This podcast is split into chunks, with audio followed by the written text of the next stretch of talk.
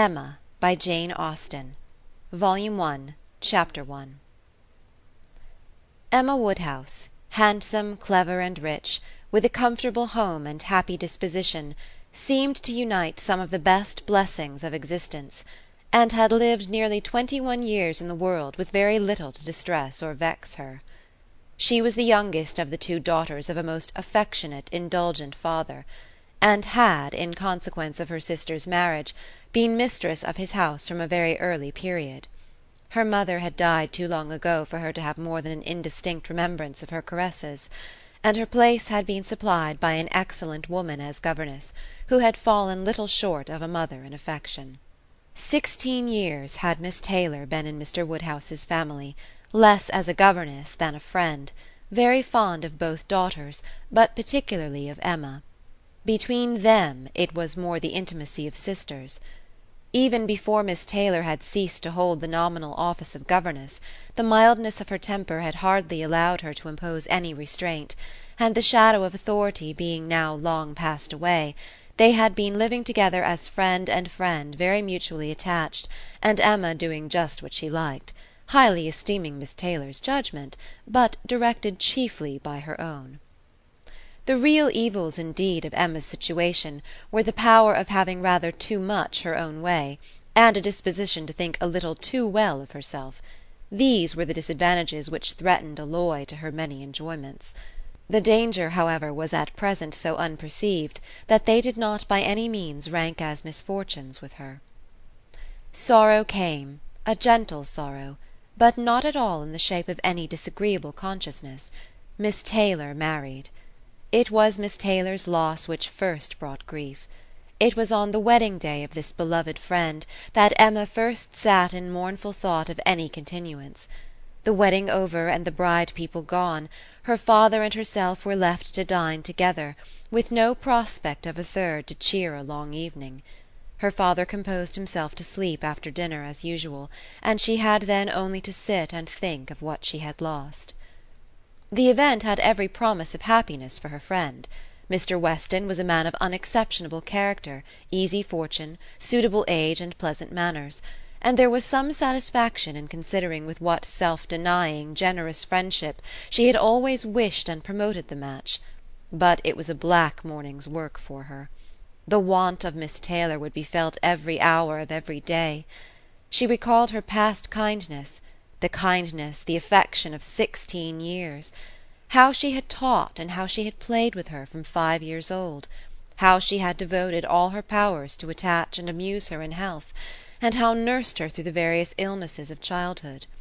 A large debt of gratitude was owing her; but the intercourse of the last seven years, the equal footing and perfect unreserve which had soon followed Isabella's marriage, on their being left to each other was yet a dearer tenderer recollection.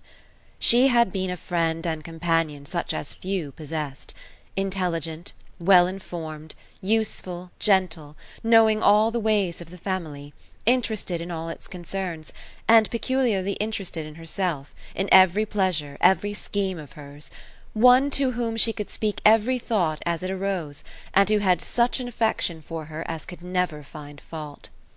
How was she to bear the change?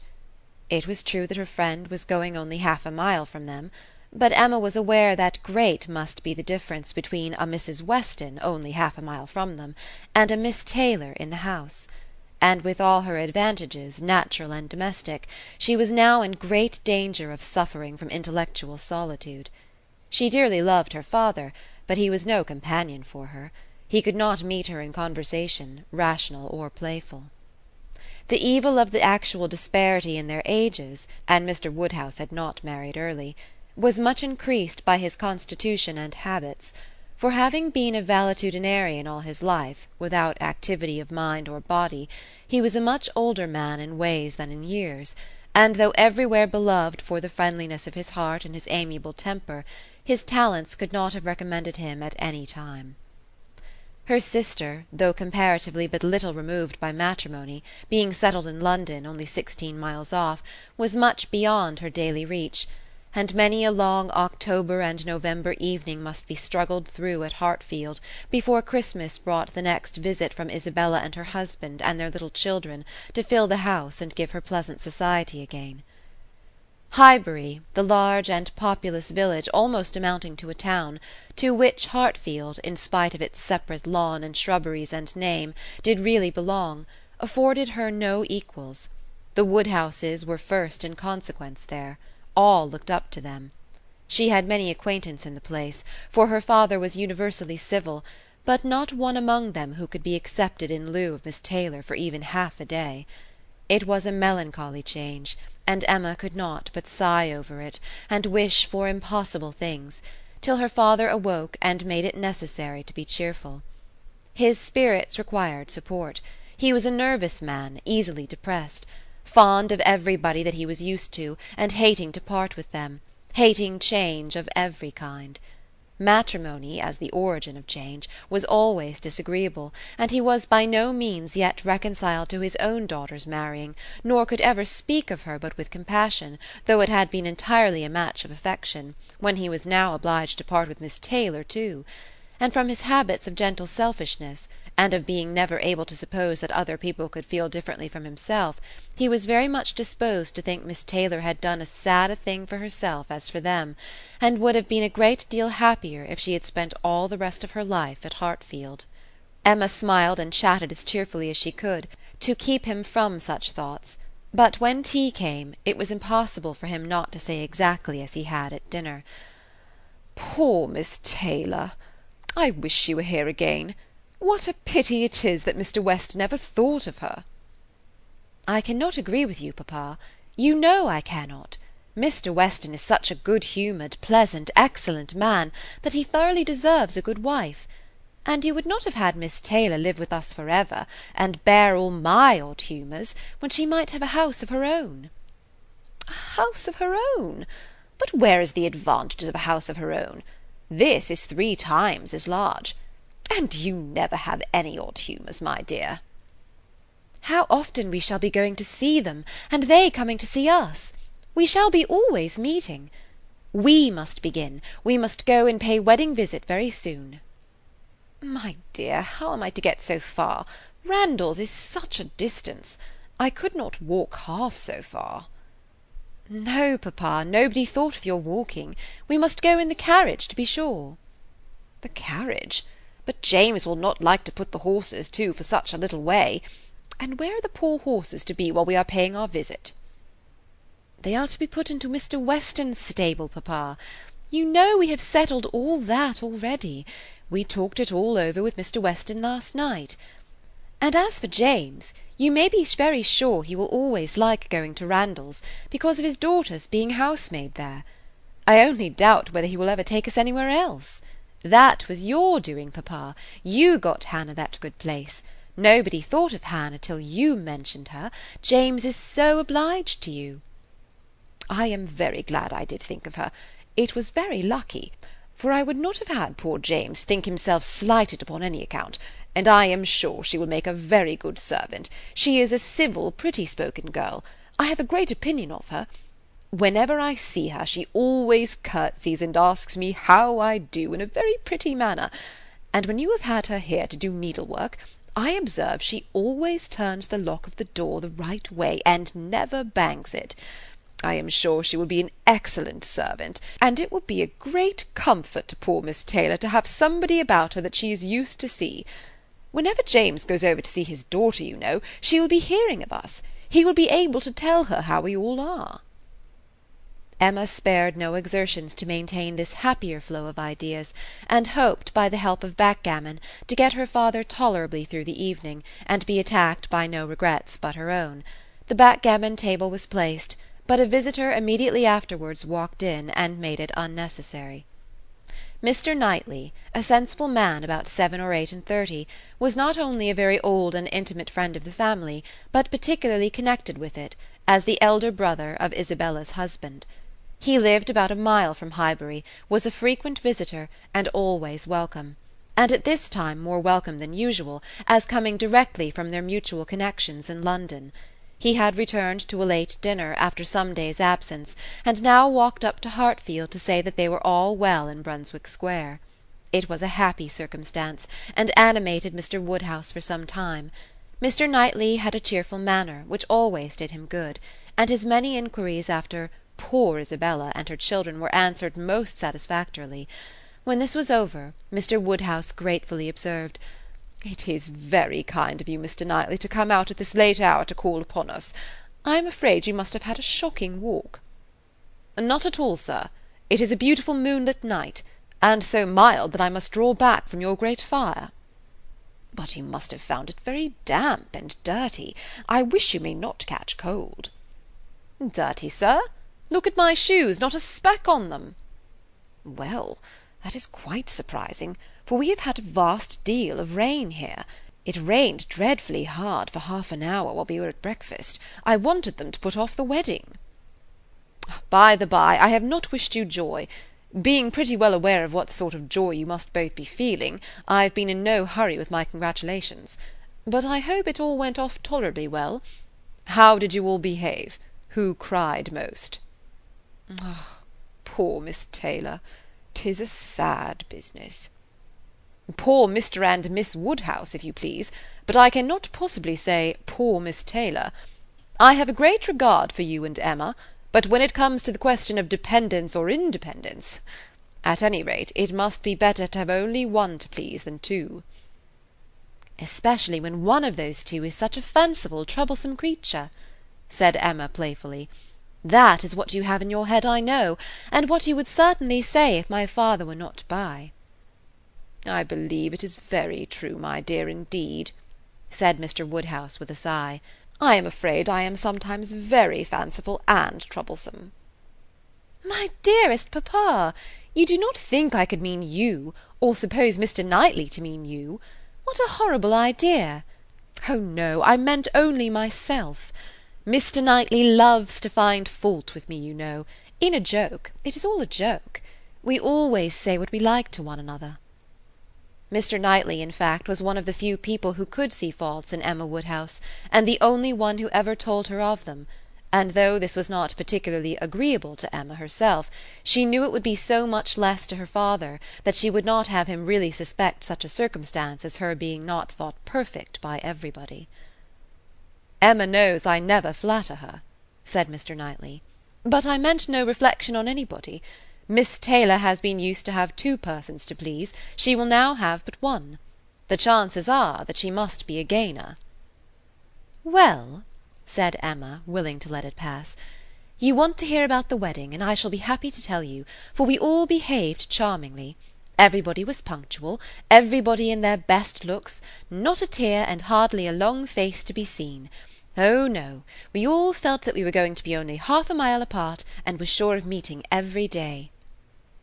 "Dear Emma bears everything so well," said her father.